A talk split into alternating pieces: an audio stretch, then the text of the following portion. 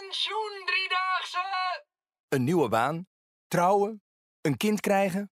Wat je ook meemaakt, check nu heel eenvoudig op pensioendriedaagse.nl of jij het goed geregeld hebt. Voor later. De Pensioendriedaagse. Van 2 tot en met 4 november.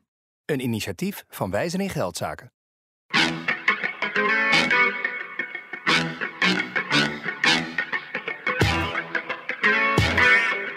Dit is, dit is het land van Wierde. Een podcast van de Telegraaf met analyses op het nieuws die u elders niet hoort. Met Wierde en Robert Ophorst. Goedemiddag. Nou ja, misschien wel goede ochtend of goede avond, eh, dames en heren. U luistert niet naar Robert Ophorst, maar naar eh Wierduk, want dit is een extra podcast. Ehm, met Marijn Poels, de documentairemaker die vanochtend helemaal vanuit de voormalige DDR, zo noemen wij dat graag, eh, de ex-DDR is komen aanreizen. Hè, Marijn, ehm, naar de basisweg om te vertellen over zijn eh, laatste eh, documentaire, Rus eigenlijk, daar komt het een beetje op neer. En ehm, om eens te kijken hoe die documentaires nou eigenlijk vallen binnen het Nederlandse medialandschap en ook elders. Dus ehm, hartelijk welkom Marijn. Dankjewel, leuk hier te zijn. Ik wilde eigenlijk weer wat op, in het auf Duits zeggen, maar dat gaan we niet doen. We hebben een Ja. gedeelde, gedeelde achtergrond in Duitsland natuurlijk. Ik was correspondent in Duitsland en Marijn die woont daar dus. eh, in dat, in dat, op dat Duitse platteland. En dat Duitse platteland dat speelt ook eh, met regelmatig een rol in jouw documentaires. Ja. En, eh, ik zou je toch nog weer even introduceren. Marijn Poels, documentairemaker, heeft zich de laatste jaren vooral gericht op klimaat, het klimaatbeleid. En heeft er allerlei kritische kanttekeningen bij geplaatst. Ehm, Marijn is geen klimaatontkenner, zoals het heet. Hij is ook geen, anderszins is hij niet iemand die, je zou kunnen indelen in het rechtspopulistische kamp. Helemaal niet. Hij komt eigenlijk vanuit, gewoon vanuit de linkse hoek. Dat, dat zeg je zelf ook vaak. En, eh, maar hij heeft zich gaan verbazen over ehm het klimaatverhaal en de eenzijdigheid daar eigenlijk van. Althans, hij dacht, is dit niet eenzijdig? Hij is het gaan onderzoeken en toen was zijn conclusie, nou, dit is toch wel behoorlijk eenzijdig, het officiële verhaal. Eh, hij stelt dus allerlei kanttekeningen bij dat dominante narratief, zoals het heet. En het interessante is nu dat het dus prachtige documentaires heeft opgeleverd. Hè? Al, een, al een redelijk aantal. Eh, u kunt allemaal zelf de website kijken van eh, Marijn Poels. welke dat, dat zijn, maar dat hij die documentaires... ehm, ehm, die vinden ook veel weerklank in, in, zeg maar, bij de kritische toeschouwers. Maar ze worden niet ehm, op grote fora vertoond. Bijvoorbeeld niet bij de Nederlandse publieke omroep. Eh, ook elders niet. Eh, het is ook niet zo dat je nou groot wordt geïnterviewd in de, de belangrijke eh, media en zo. En ik, de, de, de laatste keer dat ik jou sprak, is ook al jaren geleden trouwens. Althans, dat ik jou langer sprak. Ja. Ehm, toen hebben we het daarover gehad. Je had er zo'n notabene documentaire over gemaakt. Hè? Paradogma heette die. Eh, over hoe mensen die met een kritisch geluid laten ho- horen op een aantal dossiers, hoe die al- zelf al snel gecanceld eh, worden. En dat is dan mijn eerste vraag. Dat, daar is niet heel veel verbetering in gekomen, heb ik de indruk. Terwijl jouw documentaires eigenlijk alleen maar beter zijn geworden. En, en toch ook wel een groter publiek bereiken. Maar het gaat eigenlijk allemaal via een soort subcultuur van mensen die geïnteresseerd zijn in jouw thema's. Ja, ja dat is heel jammer. Ja. Dat is, ehm, enerzijds bevestigt dat natuurlijk wel de film ik heb gemaakt. Ja. Dat was drie jaar geleden. Hè. Ehm, en nou ja, als je die politiek doortrekt, dan kom je wel in de tijd waar we nu in leven inderdaad. Dat het nog extremer gepolariseerd uit elkaar getrokken is. Hè. En op het moment dat er zeg maar één kritische kanttekening komt bij een moreel onderwerp, hè, klimaat, Rusland, ehm, corona, dan ben je eigenlijk al meteen een, eh, word je heel gemakkelijk weggezet eh, met een bepaald frame, hè, wat daar niet heel erg in je voordeel ligt. Ehm, en dat noemen ze in de, in de journalistieke wereld eh, journalistieke verantwoordelijkheid om die mensen maar geen stem te geven. Omdat het mensen kan Dat is in ieder geval wat ik hoor vanuit de, de, de mainstream media. Hè. En, en nou, dat is gewoon doodzonde. Maar het is niet zo dat jij in je documentaires nou gewoon echt uh, gekkies uh, aan het woord laat. Zo. Ja, je laat gewoon wetenschappers aan het woord of mensen die concreet Hmm. bijvoorbeeld als boer te maken hebben met klimaatverandering. Hmm. En uh, of die meneer, hè, die hebt een film gemaakt over een Zweedse meneer, oud bankier. Die notabene een groene bankier eigenlijk was. Die zich inzette voor windturbines en zonne-energie. Maar op een gegeven moment tot de conclusie kwam. Ja, hier deugt iets ook niet. Iets niet hè. Er is toch wel heel veel winstbejag in het spel ook. En die man is in Noord-Zweden gaan wonen. En toen kwam daar een windturbinepark, ging hij zich daar tegen verzetten. Nou, dan, dan zie je dus in die film hoe die man eigenlijk kapot gemaakt wordt eh, Ja. door de zi- zittende macht. Hè? En het is, zo'nzelfde persoon als ik. Ook een, een, een eh, milieuliever, weet je wel. Zorgt goed voor de natuur, wil ook het beste voor de natuur. Maar wil ook een goed werkend systeem. En ziet gewoon dat we in een gebroken systeem leven... waarin dit gewoon eigenlijk niet mogelijk is om voor die natuur te kunnen zorgen. En dat is waar hij vragen over stelt. En hij wordt, ja, wordt letterlijk en figuurlijk... Of, Figuurlijk niet, maar hij wordt wel redelijk eh, geïntimideerd of ja, kapot gemaakt, kun je wel zeggen. En dat is gewoon eh, heel erg jammer. En zelfs in die eerste film, die Uncertainty is Settled, waar ik op bezoek ben bij Freeman Dyson, wat, Ja. wat eigenlijk geen flapdrol is, kun je wel zeggen. Dat nou is, ja, Freeman Dyson is gewoon een van de grote wetenschappers van deze tijd natuurlijk. Ja, en ehm, zelfs dat zou onverantwoord zijn geweest voor mij om hem te bezoeken. Omdat hij ook een. eh, hij, hij plaatst heel veel kritische kanttekeningen. En, Bij de modellen vooral, hè? de modellen leren over het klimaat. Freeman Dyson zegt, joh, eh, jullie laten allemaal modellen los op het klimaat. En daarop baseren jullie eigenlijk klimaatpolitiek. Ja, en maar die modellen die kloppen helemaal niet. Precies, maar ook de rol van CO2, weet je wel, dat, dat we niet alleen gefocust moeten zijn over hoe schadelijk het is, maar ook wat zijn de voordelen daarvan. Weet je wel, dus dat het debat zo eenzijdig wordt gekaapt eigenlijk, zodat we alleen maar op de negatieve eh, kanten kijken van iets en de positieve kanten niet zien. Dus die balans, daar komen we helemaal niet op. En die balans moet je wel vinden, wil je een oplossing kunnen aandragen natuurlijk. En het feit dat ik daar was, eh, riep zelfs vraagtekens op. En nou ja, dat is toch best wel iemand die vol in de, in de mainstream wetenschap zit. Dat Ja. ook accepteert. Maar wel gewoon wetenschappelijk kritische vragen stelt. Nou, en als dat niet meer mag. Weet je, als de wetenschap eigenlijk al zo gekaapt wordt. Dan wordt het publieke domein ook zo gekaapt. En ja, en dan kom je in een tweestrijd. Wat eigenlijk alleen maar kan uitmonden in, in een soort van. ehm, ja, ik, ik vind het een heftig woord, maar het is, het is een soort van burgeroorlog natuurlijk. Wel op een andere manier hoe dat we hem kennen, hè. Maar wel, we gaan tegen elkaar op. We, we, schrijven elkaar weg als wappies of als eh, levensgevaarlijk. Of weet je wel. Dus er is een intellectuele strijd, zeg maar. eh, online. eh, waarin juist de mensen die geen stem krijgen, maar wel gewoon eigenlijk zoals ik ook denken van ja, maar ik vraag toch gewoon normale vragen. En waarom word ik hier neergezet als een, als een rechtsnatie of weet ik wat? Eh, Je ziet nu natuurlijk heel sterk in die coronadiscussie ook. Hè, dat eh, ook mensen die, eh, academici die hun eh, sporen hebben verdiend in de wetenschap. ehm, gewoon bekende wetenschappers die dan zich afvragen of ehm, hoe dat nou precies, precies zit met die vaccins. Of eh, met dat virus. En of die sterftecijfers nou echt zo alarmerend zijn en zo. Ja, die worden eigenlijk eh, niet gehoord. En die krijgen, eh, als ze dan van zich laten horen, dan krijgen ze zoveel drek over zich heen. Ja. Dat ze zich ofwel terugtrekken of, of denken van joh, ehm, eh, ik ga er nu, nu vol in. En dan ook weer gaan overdrijven in hun eh, retoriek. Dus het is een hele merkwaardige ontwikkeling dat op dit soort hele belangrijke thema's waar alle burgers mee te maken hebben, hè, klimaat, corona en zo, dat je daar niet een normale, op een normale manier een eh, debat over kunt voeren zonder Ja. dat het in een morele hoek wordt En geduwd. vooral, kijk, klimaat wordt vaak gezegd, we gaan er niet meer over debatteren, omdat dat stadium zijn we al voorbij. ja, ja. En dat hebben we al gehad, die discussie, laten we nu verder gaan. Eh, Ben ik het niet mee eens, maar goed, dat is, het- dat is een, zou een. Ik heb dat debat gemist. Eh, en ik weet ook niet wanneer het heeft plaatsgevonden. Maar goed, dat, dat zou een argument kunnen zijn. Corona is natuurlijk een, een hele nieuwe, een, een nieuwe variant virus die Ja. we hier hebben. En die vaccins ook.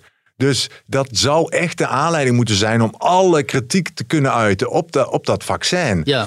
Eh, en, en dat maakt de, juist het, het doodgeslagen debat maakt het eigenlijk verdachter voor mij. En eh, ben ik eigenlijk alleen maar nieuwsgieriger over van hoe komt het dat we daar niet over mogen hebben. En vaak zie je met al die morele kwesties, waaronder corona, klimaat, maar we hebben het ook over Rusland, hè, ehm, eh, Israël, dat zijn, dat zijn allemaal hele gevoelige kwesties.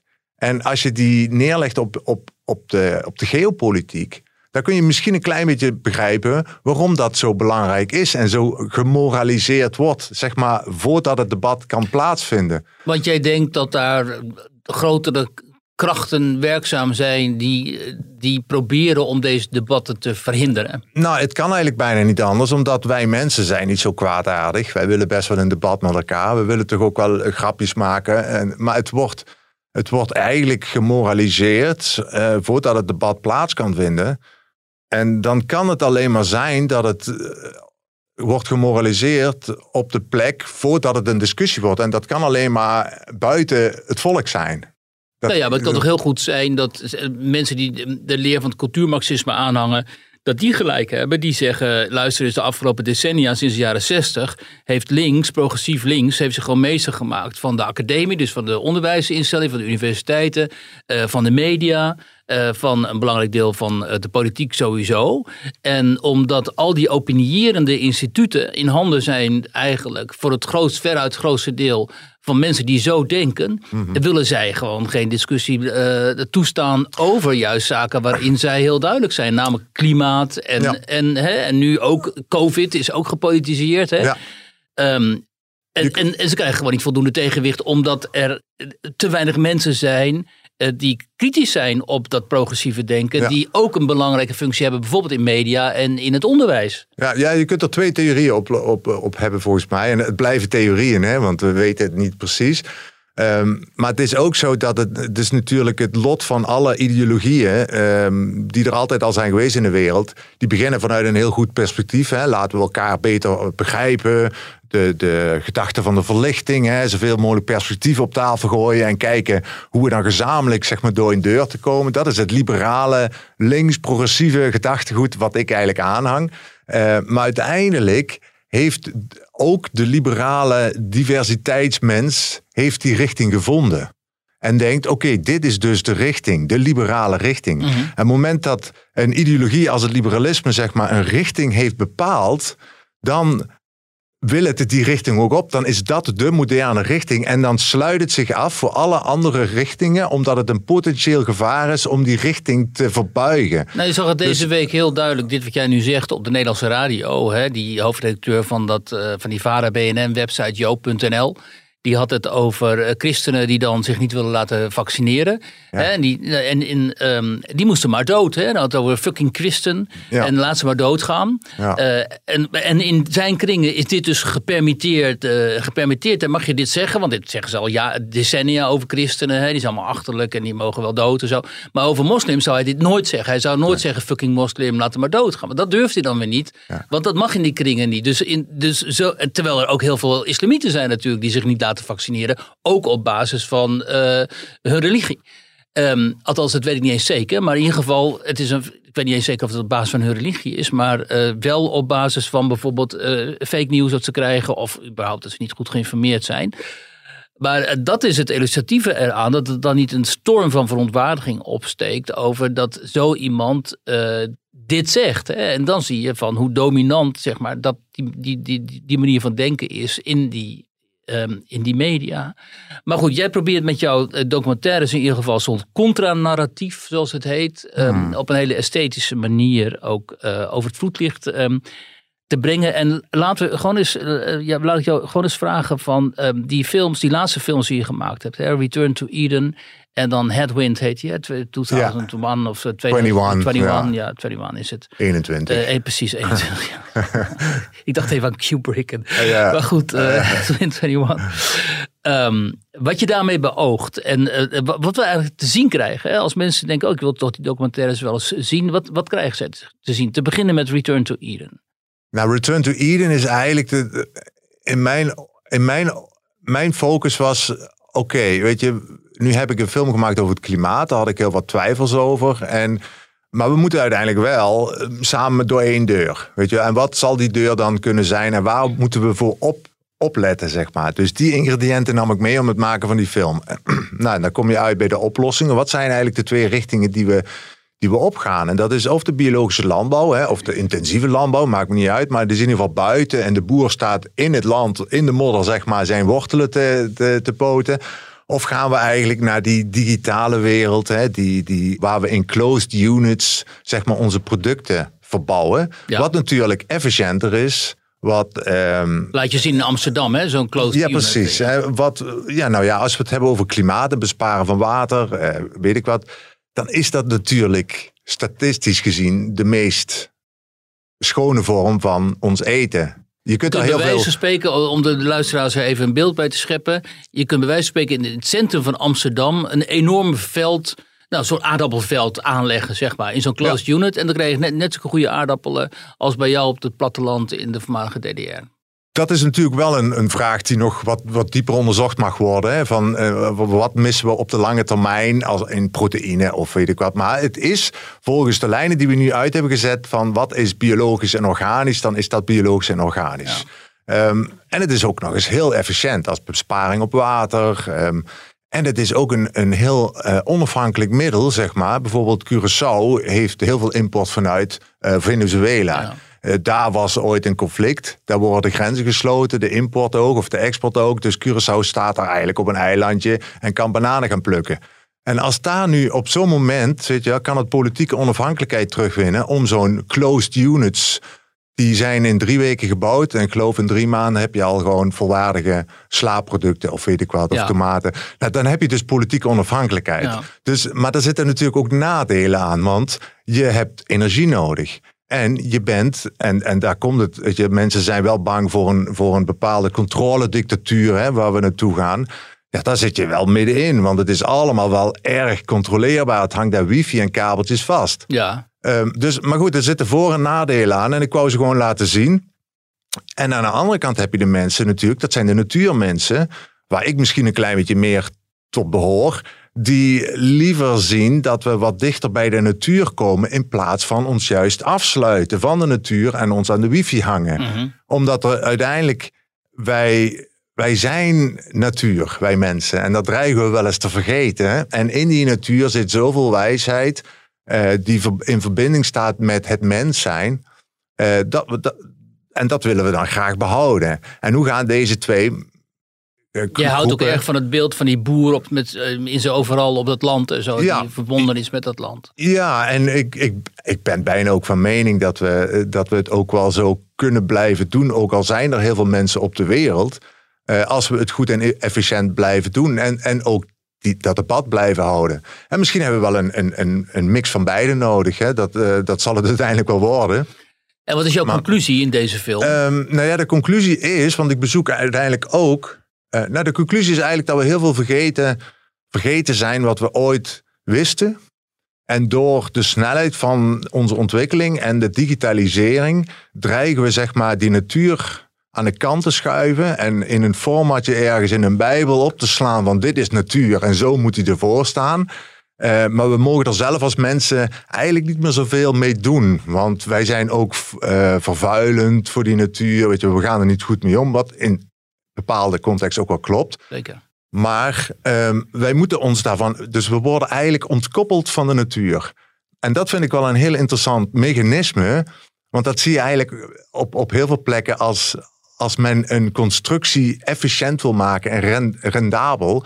Je ziet dat bijvoorbeeld heel mooi in een koeienstal. Ik heb voor die film ook een koeienstal opgezocht. Een mega moderne koeienstal. En technologisch is dat heel erg interessant. Maar als mens ga je je afvragen van in hoeverre is die koe eigenlijk nog een koe? Ja, precies. Eh, want hij begon Ja, in de wei. Hè? hè? Die, Ja. die, die, die koe die begon in de wei. En de boer die had liefde voor de koe. Maar die wou er ook een beetje melk van, van hebben. Dus, maar uiteindelijk wil het hele dorp de melk hebben. Moet hij meer koeien hebben. Die koeien die, die kan hij niet elke dag gaan zoeken waar die ergens in de bossen rondlopen. Dus die moet er een hek omheen zetten om dat efficiënter te maken. Dat wil niet zeggen dat die boer de koe aan het manipuleren is. Maar meer het efficiënt maken om, om die productie te kunnen garanderen. En nu zijn we zover dat we de koe eigenlijk de stal in eh, willen hebben. En die, die boer ehm, is ook inefficiënt. Dat moet gedaan worden door computers. Dus die koe die loopt eigenlijk vanzelf naar die, naar die eh, melkmachine. Lasers zoeken de uiers. Weet je wel? En de koe die gaat zelf eten. En de boer zit achter de laptop. Dat is geweldig dat we dat kunnen. Hè? Dat is efficiënt. Ja, maar het is ook Maar bizar. de koe is geen koe meer. Nee. En datzelfde management, hè, dat is, dat is massamanagement, hè, wat, wat ze doen. Dat exact hetzelfde man- management zit er ook op de mens. En dat is ook begrijpelijk, want we hebben ook een richting nodig. Hè? We hebben ook een richting Ja. nodig. Ik bedoel, als, als we de democratie vol democratie laten eh, loslaten, dan is het gewoon grote chaos. Dus we hebben wel een richting nodig. We- Maar dit is wel het principe wat je ziet. Om crisissen te vermijden en risico's te vermijden, moet de mens op de een of andere manier gemanaged worden. Ja, En- via vaccins ook en via... Hè, Mm, Ja, eh, maar het, het, het interessante is, en, en er is niets mis mee, hè? er zit geen gedachte achter van we worden gemanipuleerd. Nee, de mens vraagt naar zekerheid en veiligheid, maar vergeet dat het, een, het is een antoniem voor vrijheid. Weet je, wel, veiligheid en, en vrijheid zijn twee antoniemen. mhm. Dus zo'n management moet vrijheden van ons Leg even uit wat een antoniem is voor veel Het luisteraars. tegenovergestelde Ja, eigenlijk. ja. Dus, dus het, een, een, eh, als je vrijheid neemt, betekent het dat je ook risico's neemt. Dan kan er iets misgaan. Maar iets misgaan is ook avontuur en mens zijn. En uit overheidsprincipes is het natuurlijk... De overheid heeft ook de zorg om het ons goed te laten gaan. Om ons veilig en zeker in Ja, de daarom maatschappij maken te wij kunnen... afspraken daarover in een democratie. Ja, en Dat, dat moeten we ook zeker doen. Ehm, maar het zijn, het zijn antoniemen. Dus de overheid moet de, van de mensen een vrijheid afnemen om de zekerheid te kunnen garanderen. Als je dat zo vraagt aan een mens op straat, dan gaat hij met de hakken in het zand. En dat is een oerinstinct. Als ons vrijheden worden afgepakt, dan worden wij, weet je wel, dan gaan we de straat op. Dus dat kunnen ze niet zo verkopen. Dus hoe verkopen ze het dan? Ze verkopen het door een ander nar- narratief. En een heel goed narratief om die vrijheden af te nemen, is om te, om te roepen: we hebben klimaatcrisis. Want dat betekent, het woordje crisis is daar wel fundamenteel belangrijk, omdat op moment, een crisis is bijvoorbeeld voor mij, ehm, als je brand, of eh, als je dorp in brand staat, dan, dan hebben we een crisis. En dan wil je geen dorpsvergadering wachten eh, over twee weken, hoe gaan we dat dorp blussen? Nee, daar komt de brandweer, dat is het crisismanagement. En die bl- blussen het dorp. En jij hebt heel eventjes niks te zeggen. In het belang van het dorp. Dat is een crisis. Door, dus de, maar wat je eigenlijk doet, en dat is het, in het geval van die dorpsbrand heel erg goed, je haalt eventjes tijdelijk die democratie weg. Even geen discussie, dat dorp moet geblust worden. Door zeg maar zo'n grote globale narratieven als klimaat te bestempelen als een crisis, ondermijn je eigenlijk die democratie. Dus je haalt die democratie weg bij de mensen. Niet alleen de democratie, maar ook de verantwoordelijkheid om mee te doen in een discussie. Er is geen discussie, er is een crisis. En wat ik het verdachte vind, is dat de, degene die de crisis uitroepen, dat is tevens het crisismanagement. Mhm. En daar zit voor mij een beetje een, een En vaak ook degene zijn dit die, er aan, die toevalligerwijs heel veel geld verdienen aan die crisis. Ja, precies. Jongen, hoe kan dat nou? Dus dat is het management wat, wat, eh, wat mensen eigenlijk apathisch maakt om die vrijheden af te staan. Ja, maar dus crisis, we gaan toch allemaal dood, dus we moeten wel. Ja. En met name als er dan kinderen worden ingezet, weet je, dat werkt heel goed. En dan worden thema's gemoraliseerd. Dus op het moment dat Daarom zijn ze allemaal zo blij met Greta Thunberg. Ja, maar het is zo moeilijk om zo'n meisje, zo'n zo'n zo'n puber eigenlijk, eh, te betichten van iets. Want het is gewoon eigenlijk een heel gepassioneerd iemand. Ik bedoel, Ik liep vroeger ook met t-shirt van J. Guevara rond. Oh nee. Maar godzijdank was er geen wierduk die mij in de. Telegraaf voor in de voorpagina ging, eh, ging zetten. Want daar wist ik er echt geen klap van. Ja. Weet je, dus dat hoort bij die, bij die leeftijd. Maar door het inzetten van, dat zijn eigenlijk de kindsoldaten van de commercie. Maar Ja, ze hebben het zelf niet in de gaten. En in, in, in, in landen als Nepal ben ik wel eens naar zo'n kindgoden gegaan. Weet je wel, dat zijn diezelfde meisjes als Greta, zo labiel als maar wat. Ja. En eh, ze, ze krijgen daar een kroontje op het hoofd en wat, wat bloemetjes eh, worden erop gestrooid. En ze is heilig, weet je. Ja. En het is verboden. Weet je wel, het zijn juist die NGO's die daar tegen zijn, tegen die kindsoldaten, lopen wel weg met Greta Thunberg. En dat is natuurlijk, dat zijn dingen die voor mij niet kloppen en die wil ik eigenlijk helder hebben. En zo, zo, zo, zo vlug ik die helderheid niet heb, blijf ik die films maken. En, ehm, Bij Return to Eden zoek je eigenlijk mensen op die Hm. zich hieraan onttrekken. Hè, aan dit hele verhaal. En die gewoon Ja. hun eigen conclusies trekken over hoe je met die natuur om moet gaan. En met voedsel. Precies, en de meest interessante was eigenlijk de, de allerlaatste in de film Alan Savory. Dat is een ecoloog ehm, in Zimbabwe.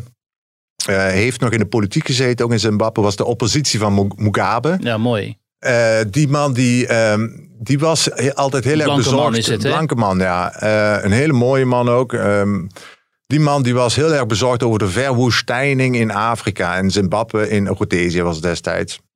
En die zei op een gegeven moment van, hey, weet je wat, volgens mij die olifanten, we hebben te veel olifanten hier in het land. Uh, we moeten er wat afmaken, want die maken alles kapot en die verwoesten alles. Dus dat was allemaal helemaal wetenschappelijk ook onderbouwd wat die man zei. En dat werd akkoord, er was consensus zeg maar in Zimbabwe. en er werden 40.000 olifanten onder zijn bevel afgeknald. Oh. Hoe, hoe, had hij het bevel daarover dan? Wat had het bevel? Hij was, hij was um, destijds was hij minister van. In het oude Rhodesië nog voor ja, ja, Precies. Ja, ja, precies. En, uh, dus 40.000 olifanten werden afgeschoten omdat hij dacht dat dat verwoestijning veroorzaakte in Zimbabwe of in Rhodesië. En uh, wat, wat, wat, wat kwam hij achter? Eigenlijk jaren later dacht hij van oké, dan moeten we eens gaan evalueren. Het tegendeel was waar. De verwoestijning werd alleen maar erger en erger.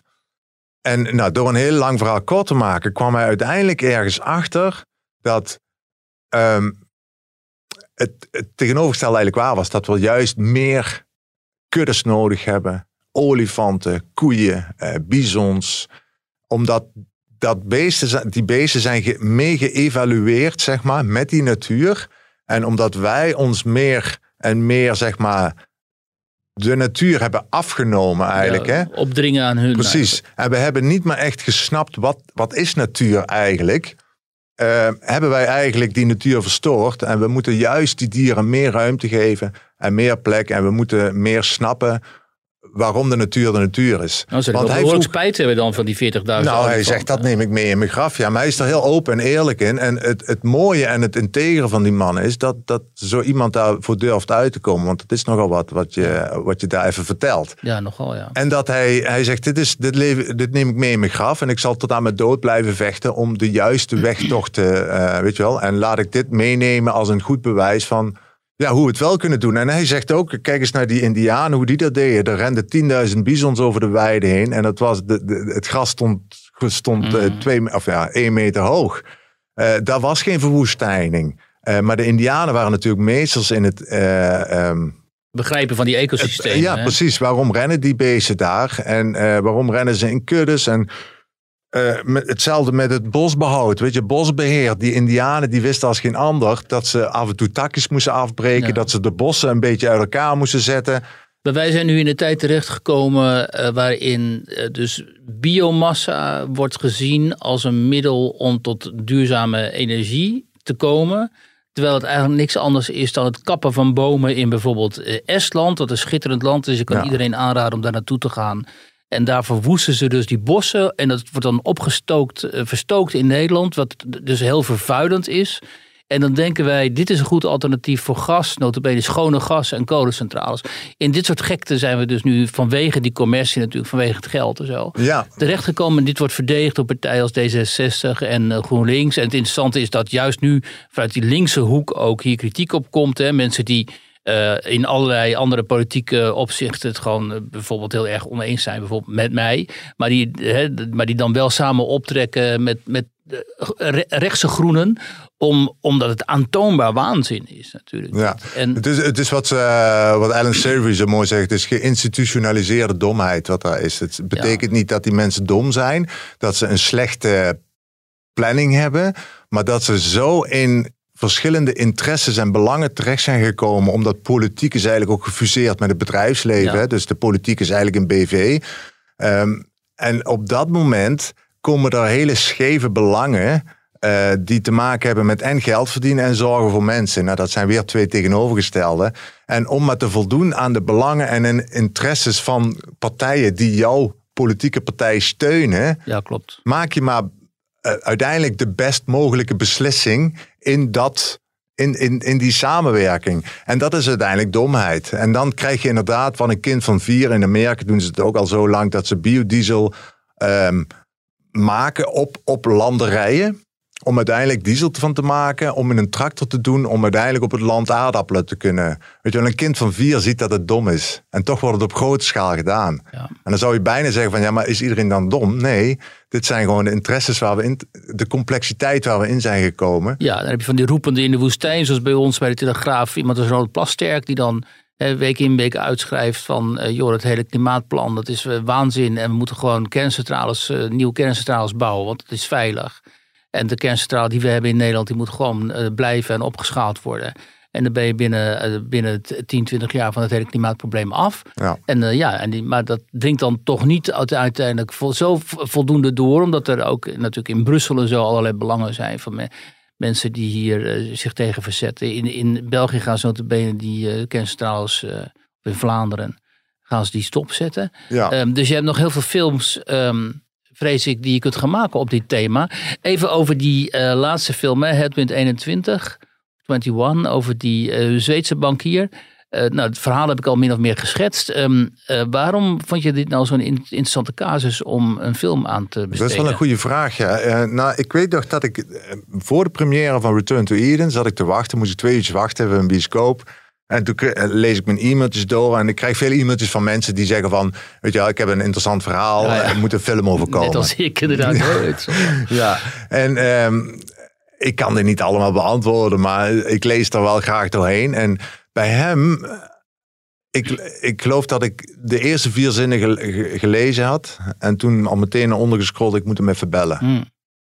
Omdat ik me verveelde ook, omdat ik twee uur wachttijd had. Maar ook dat ik ergens geraakt was door hoe hij het zei. Eh, ik voelde ergens een, een, eh, ja, een, een verbinding of zo. Ik denk, ja, zo denk ik er ook al over. En ik heb hem gebeld. En het belangrijke vind ik, hij komt natuurlijk uit die financiële wereld. En daar Ja. zit volgens mij een, een Als grote... bankier in Londen ben ik zelf zelf. Hij was eh. bankier in Londen bij, eh, eerst bij een verzekeringsmaatschappij KPMG en toen bij de groenste bank van de wereld, HSBC. Of ze claimen de groenste bank ter wereld te zijn.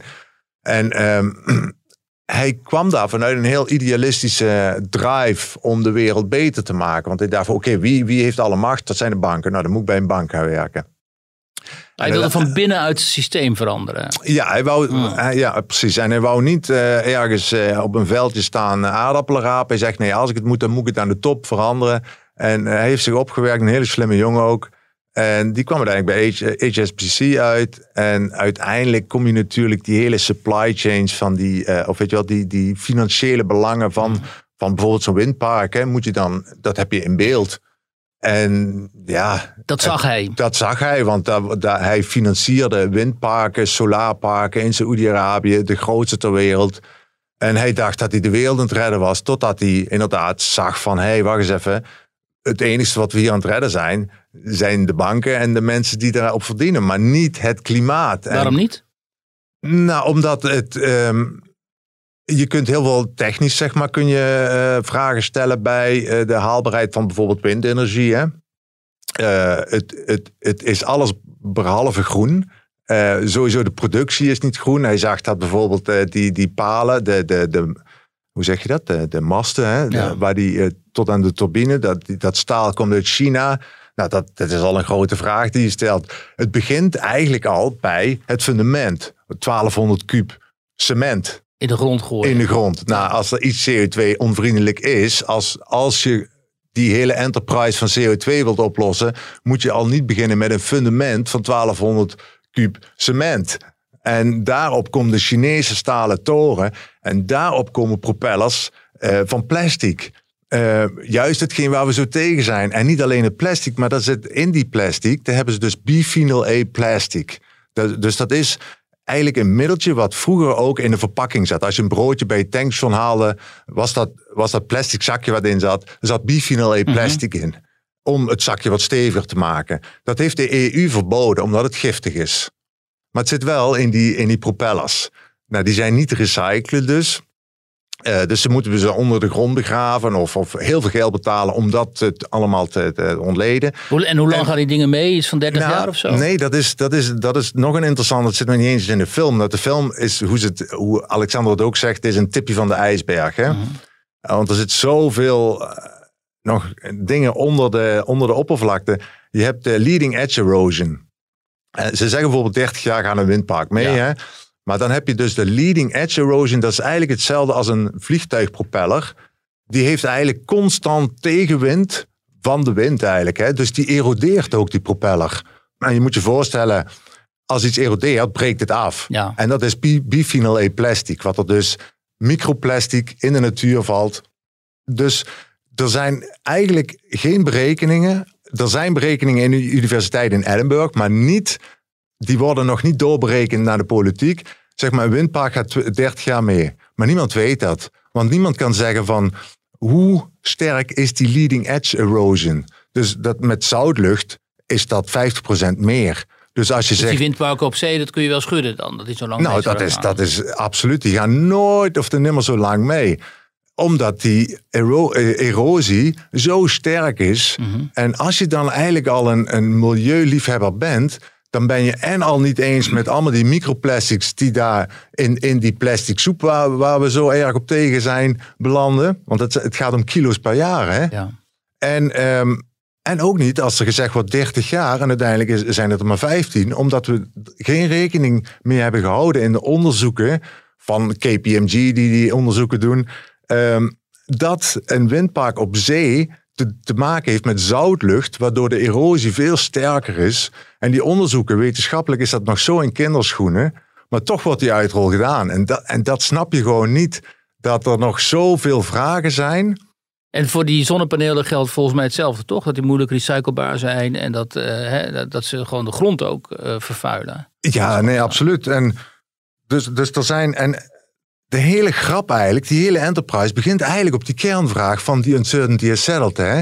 Weten we eigenlijk wel waarom we dit doen? Ja, Weet je? En, en als dat debat al eigenlijk, want het blijft een aanname. Hè? Eh, Ik bedoel, feiten hebben we heel weinig. Een, een, een historicus heeft feiten.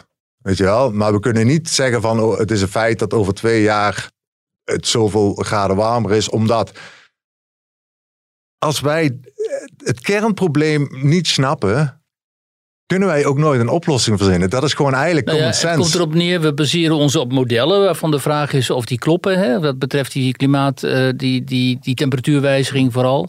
En we komen vervolgens met oplossingen, namelijk zonnepanelen en windturbines en zo, waarvan vaststaat dat die eh, zonder eh, alternatieve bronnen ook nog eens een keer niet voldoende zullen zijn om de voldoende energie op te werken. Dus dan moeten we wel aan gas of aan kernenergie Nou, blijven het- vasthouden. En Nog sterker, het kan niet. Het, het is onmogelijk dat wij eh, net zero is een sprookje. Ja. Want ehm, kijk, we hebben, we hebben eh, ehm, bovendien, ik weet je, nou wacht, ik zal het eerst even uitleggen en dan dadelijk nog. Ehm, een, een windpark is gelijkstroom. Hè? Je hebt gelijkstroom en wisselstroom. Mhm. Hè? En wisselstroom is eigenlijk waar we hier in Europa op aangesloten zijn. Dus dat is een sinus of een, een, een golf van 48 kilohertz of zoiets. Het mag niet te moeilijk maken. Hè? Nee, ehm, maar in een windpark, een windpark moet zeg maar die stroom gaan omvormen hè, naar Europese stroom. Dus er zit een omvormer zeg maar aan de voorkant van een windpark. En die vormt die stroom om van gelijkstroom naar wisselstroom. Maar die omvormer die kan niet zijn werk doen als daar geen stroom van de andere kant komt. Dus vanuit ons Centraal-Europees netwerk.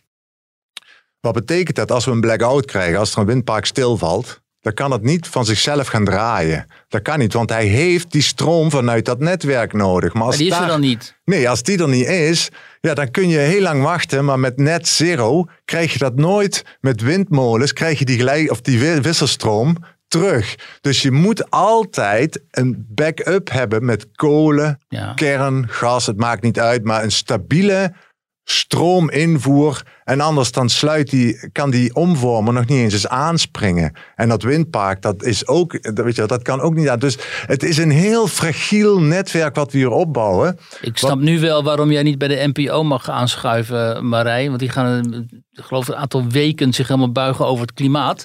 Ja, maar dat moeten we dit, ook doen. Dit, soort geluiden, dit soort geluiden wil ze daar niet horen natuurlijk. Maar aan de andere kant, weet je, wat denk ik van we kunnen het wel over technische dingen gaan hebben, maar dat is, dat is eigenlijk het drijfzand waarin we in gestrand zijn. Hè? Ik vind nog altijd de kernvraag de meest belangrijke.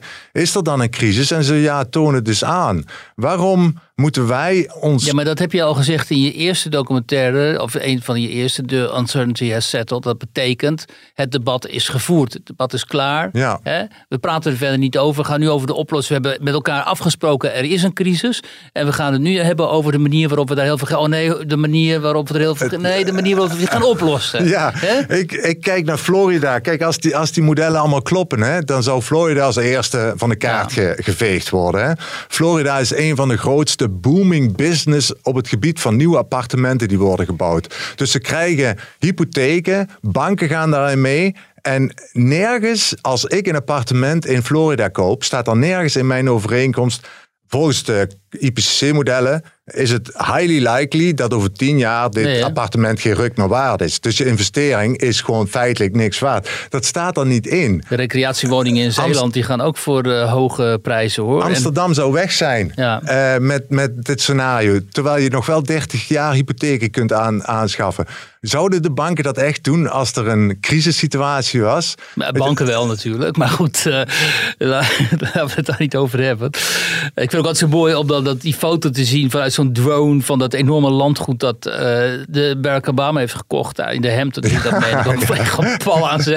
Ja, precies. precies. En ondertussen, maar jongens, jongens, eh, Ja. de zeespiegel stijgt. En dat mag hij, hè? Hij mag gaan wonen waar hij wil. Ja, is wel- wel heel mooi, eh, hoor. Maar dat mag, dat, weet je, dat mis ik. Weet je wel, waar is die oude Michael Moore gebleven? Die, Nou, die wel, had hier toch een eh, verhaal over. Toen werd hij onmiddellijk eh, gecanceld, ja, eh, Michael absoluut. Moore. En heel goed zelfs, ja. Hoe heette die documentaire ook alweer? eh, Planet of the Humans, hè? dat was Ja. eigenlijk... Hij was producent, hè? En, en eh, hoe heet die? eh, de maker zelf was, eh, was zijn voormalige producent. Ze Ja. hebben de rol omgedraaid destijds, ja. Ja, we hebben het nu over Michael Moore, die hele linkse Amerikaanse documentaire maker, die toch slim genoeg is geweest om in ieder geval bij dit verhaal hè, allerlei vraagtekens eh, te zetten en in ieder geval een documentaire te produceren. En, en waarom mogen we dat? Wat dat toen ik, weet je wel, en nog, eh, nou ja, weet je wel, in mijn twintigers of zo, eh, ik keek op Michael Moore, een film, en het was gewoon leuk, humoristisch, met een beetje, met een humor, met, met een Met grapje, veel maar wel. politiek activisme.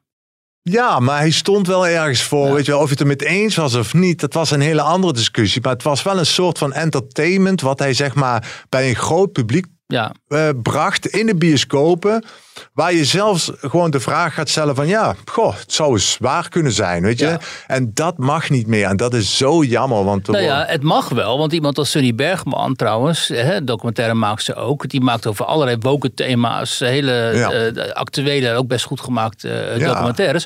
En die vindt altijd een platform bij de VPRO of elders. Die, die wordt er altijd uitgezonden, die documentaires. Maar die documentaires van jou, die zeker zo goed zijn, die dus niet. Dat is Nee, toch wel. dat is heel frustrerend. Aan de ene kant is het heel frustrerend, vooral voor mij dan. Maar ehm, aan de andere kant, eh, het is ook niet eerlijk. Het is een hele oneerlijke concurrentie. YouTube eh, censureert mij door berichten te sturen. Pas op wat je zegt. eh, dit kan verwijderd worden. Oh ja? ja? ja, Facebook laat mij niet adverteren. Twitter doet het ook niet. Ehm, mijn mails- Vanwege jouw thema's. ja, vanwege klimaat. En, eh, ja, vooral met name klimaat natuurlijk. Eh, en ehm, de, dus daardoor... eh, heel veel mensen zijn aangemeld op mijn YouTube-kanaal bijvoorbeeld, hè, waar die film op staat. Maar die krijgen geen meldingen of zo. Nee. Eh, ze kunnen ook geen berichten plaatsen. Eh, dat zijn berichten die ik hoor. Van YouTube zelf krijg ik ook berichten. Weet je wel, pas op eh, wat je doet. Je, je schaadt de, de richtlijnen van... en met name in klimaat wordt dat alleen maar erger. Ja. Dus het, het, het, het is voor mij best wel lastig om nog mijn publiek te kunnen bereiken. En, En- toch eh, heb je heel veel fans die, eh, die betalen En dat- om jou te En crowdfunden. dat wil ik zeggen nou net. Aan elk voordeel, elk voordeel heeft zijn nadeel. Of Ja. nee, elk nadeel heeft zijn voordeel, zoals Cruijff dat zei. Ja, Ehm, het is ook zo, want uiteindelijk ehm, denk ik dat dit wel een tijd is waarin er sowieso heel veel gebeurt. Maar in mijn positie is het dat ik zeg maar word, word weggeschreven door de NPO als onzinnig en niet kwalitatief of niet goed of whatever. Terwijl een hele grote groep mensen in die democratie wel vinden dat ik, dat ik wel een podium nodig heb, eh, moet, moet, zou moeten krijgen. En die zeggen: Ik wil jou geld geven, Ja. zodat jij kunt blijven leven. Nou, dus, dus en van zij, die crowdfunding kun jij die documentaires ook maken. dan kan, deze laatste documentaire is 100% fan-funded. Want voor Return of Eden, eh, Daar zaten er nog wat bedrijven in ook. Hè? Dat was maar daar heb je heel veel voor gereisd ook. Hè? Ja, ja, ja, precies. Dus Maar- best duur.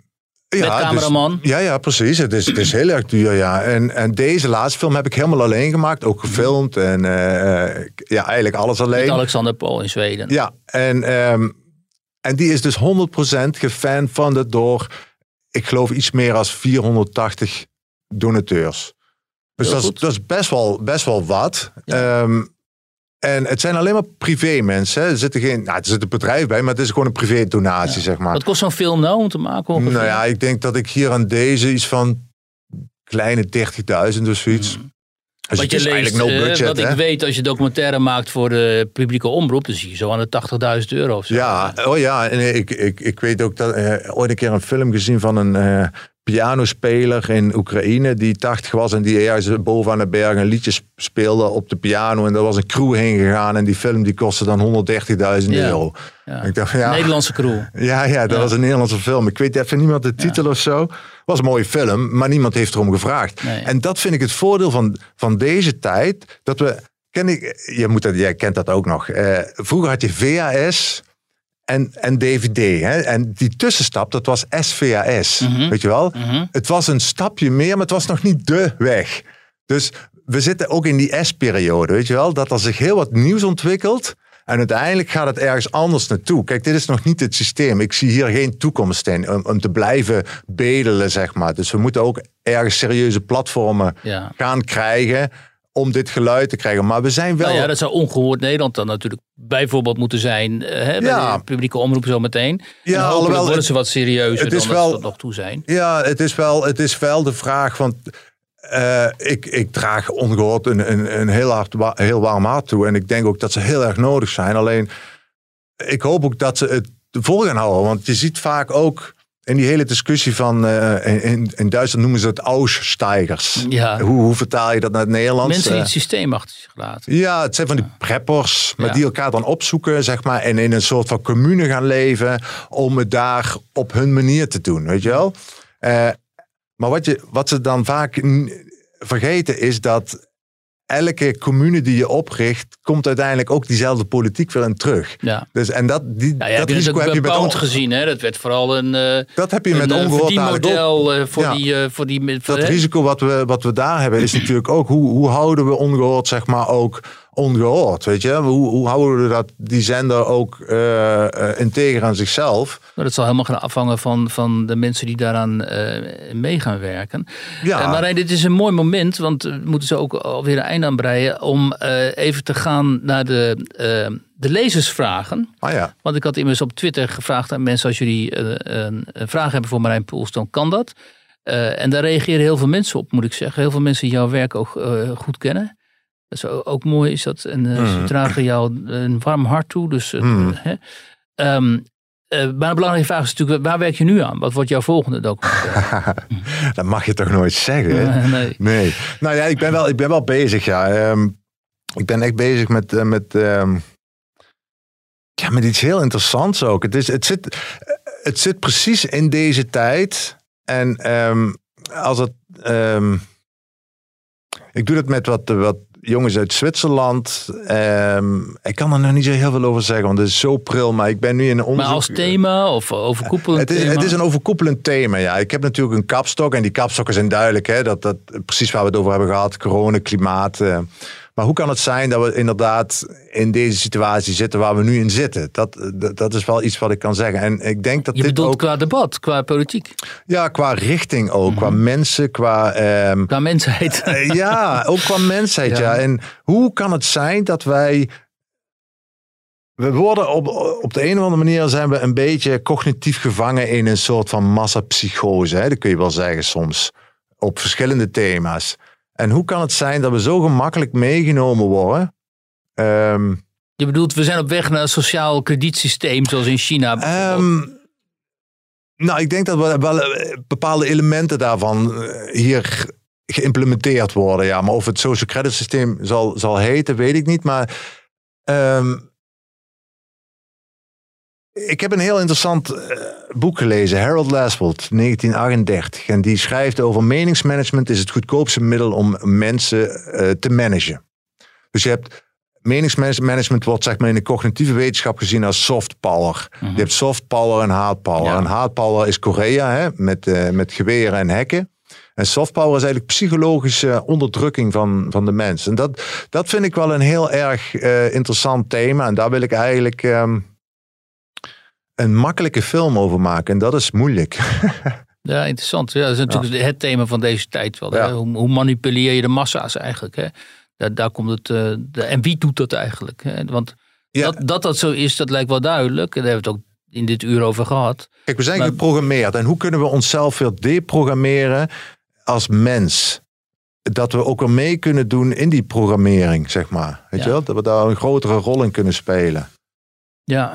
ehm, een andere vraag is: eh, ga jij nog weg bij dat klimaatthema? En zou je niet eens wat willen doen, bijvoorbeeld met eh, dat immigratienarratief? hè? Want dat is natuurlijk ook heel dominant. Hè? Ja. De gevestigde orde gaat ervan uit dat immigratie hoe dan ook goed is. Ja. Want het is humaan en het levert arbeidskrachten op. En kennelijk geen vergrijzing. Om hele wonderlijke Hmm. redenen worden immigranten kennelijk niet ouder. Dus die vergrijzen niet. Ehm, is dat iets wat jij interessant zou vinden om te doen? Ja, ja, ja zeker. Ik heb, eh, in 2011 ben ik naar Lampedusa geweest om een onderzoek te doen daarvoor. En toen heb ik een heel plan geschreven. In 2011, hè, dat was nog voor de Arabische lente. Hè? Want ik, ik zag daar ergens in de Telegraaf een één kolommertje ergens achterin, bootje, Altijd in de 200 mensen omgekiept. Mhm. Maar het was een één kolommertje, weet je wel. Het, Ja. het was eigenlijk helemaal geen debat. En ik dacht van, als, als links-liberaal, ik dacht van, wat? 200 mensen omgekiept en, en maar zo weinig aandacht. Ben er naartoe gegaan en toen zag ik eigenlijk wel in van, jeez, dit wordt echt een heel groot probleem.